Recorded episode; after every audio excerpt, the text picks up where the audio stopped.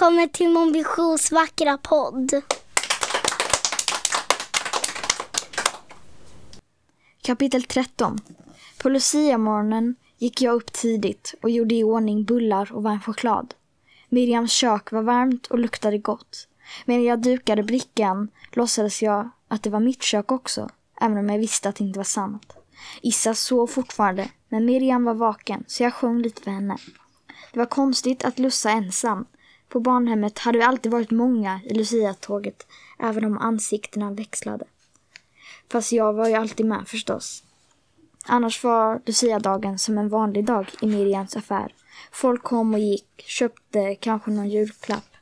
Miriam, medan Miriam skötte kassan slog jag in paket. Och vid stängningsdags var jag ganska trött. Jag hade precis hängt upp stängskylten Ehm, och låst butiken när det knackade på rutan. Issa, som höll på att sopa golvet, gick fram till skyltfönstret. Han sa ingenting, men jag såg att han tittade på något. Peka på stängt skylten, Issa, sa jag. Det får komma tillbaka imorgon. Han svarade inte och istället för att peka på skylten pekade han ut på trottoaren. Jag gick fram för att titta. I det lätta snöfallet utanför Miriams butik stod en av de underligaste människor jag någonsin sett. Han var lång och smal med korta armar och ett litet runt huvud som nästan försvann i hans stickande luva. Jag öppnade butiksdörren på glänt. Tyvärr, det är stängt, sa jag. Vi öppnar imorgon bitti igen. Mannen såg helt utmattad ut. Han liksom vajade fram och tillbaka på trottoaren som om han skulle svimma. Är Miriam tillsädes, sa han. Viktiga ting har vi att för, förtälja. Hans röst var svag och orden gammelmodiga.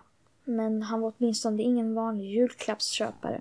Kanske har han verkligen något viktigt att berätta för Miriam. Jag tvekade ett ögonblick, men sedan öppnade jag dörren helt. Kom in, sa jag. Issa, du kan hämta Miriam. Issa pilar upp för trappan och man, mannen stampar av snön och kom in.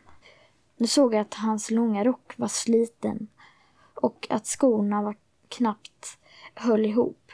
Varsågod och sitt, sa jag och pekade på en fåtölj. Miriam kommer strax. Mannen fortsatte att stå upp som att han inte hade hört vad jag sa. Han vajade fortfarande ostadigt och verkade nästan blygare än jag. Så flicka, sa han och försökte le. Hjälper mor din i butiken, gör du? Jag blev alldeles tyst. Trodde han verkligen att jag var Miriams dotter? Så jag, så jag såg ut som något som hade en mamma. Innan jag hann svara kom Issa till, tillbaka med Miriam. God kväll, sa hon vänligt. Vad gäller saken?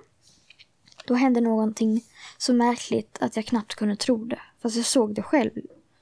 Den långa mannen fälldes liksom ihop tills han var kortare än Issa.